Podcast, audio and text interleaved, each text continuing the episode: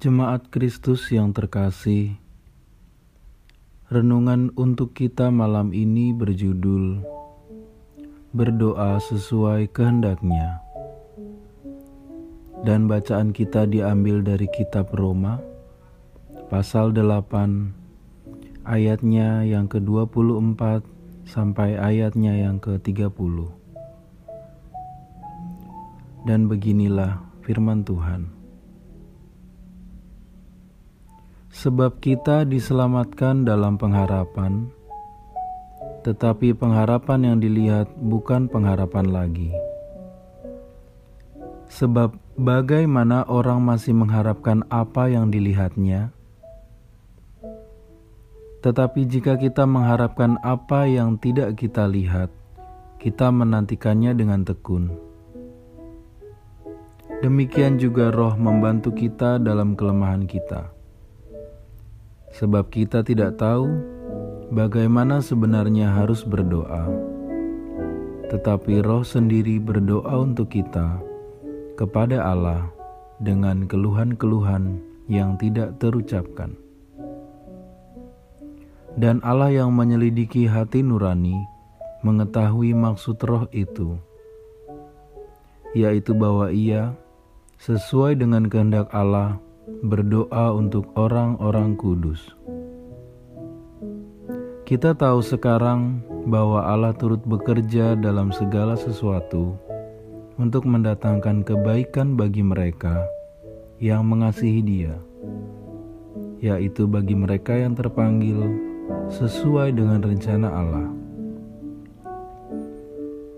Sebab semua orang yang dipilihnya dari semula mereka juga ditentukannya dari semula untuk menjadi serupa dengan gambaran anaknya, supaya ia, anaknya itu, menjadi yang sulung di antara banyak saudara. Dan mereka yang ditentukannya dari semula, mereka itu juga dipanggilnya. Dan mereka yang dipanggilnya, mereka itu juga dibenarkannya dan mereka yang dibenarkannya, mereka itu juga yang dimuliakannya.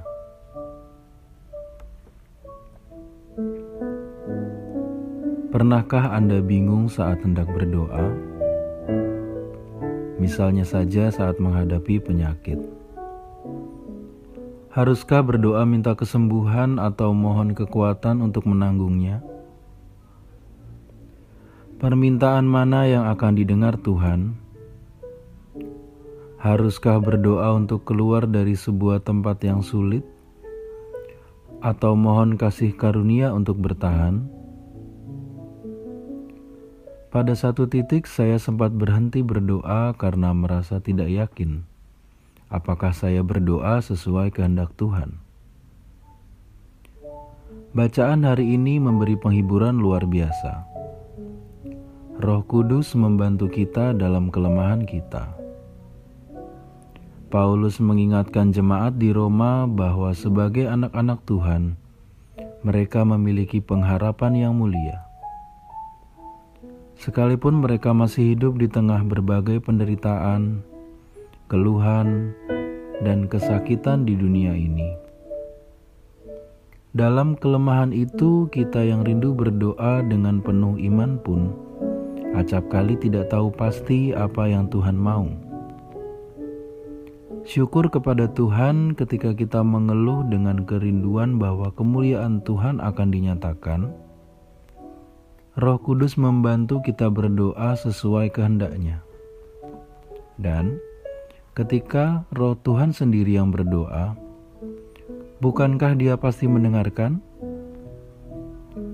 Ada hal-hal yang jelas kita kenali sebagai kehendak Tuhan, misalnya hidup dalam iman, kasih, dan kekudusan. Namun kita tidak diminta mengetahui tiap detail kehendaknya. Dia memahami ketidaktahuan kita, dan karena itu rohnya berdoa bagi kita. Yang diperhatikannya bukan ketepatan kata, melainkan kesungguhan hati yang merindukan kemuliaannya dinyatakan. Bersyukurlah bahwa karya Tuhan tidak dibatasi oleh kelemahan kita. Tetaplah datang kepadanya di tengah situasi sesulit apa pun. Ketika kita merindukan kemuliaan Tuhan dinyatakan, tiap permohonan disempurnakannya jadi doa yang diperkenan. Demikianlah renungan malam ini. Semoga damai sejahtera dari Tuhan Yesus Kristus tetap memenuhi hati dan pikiran kita. Amin.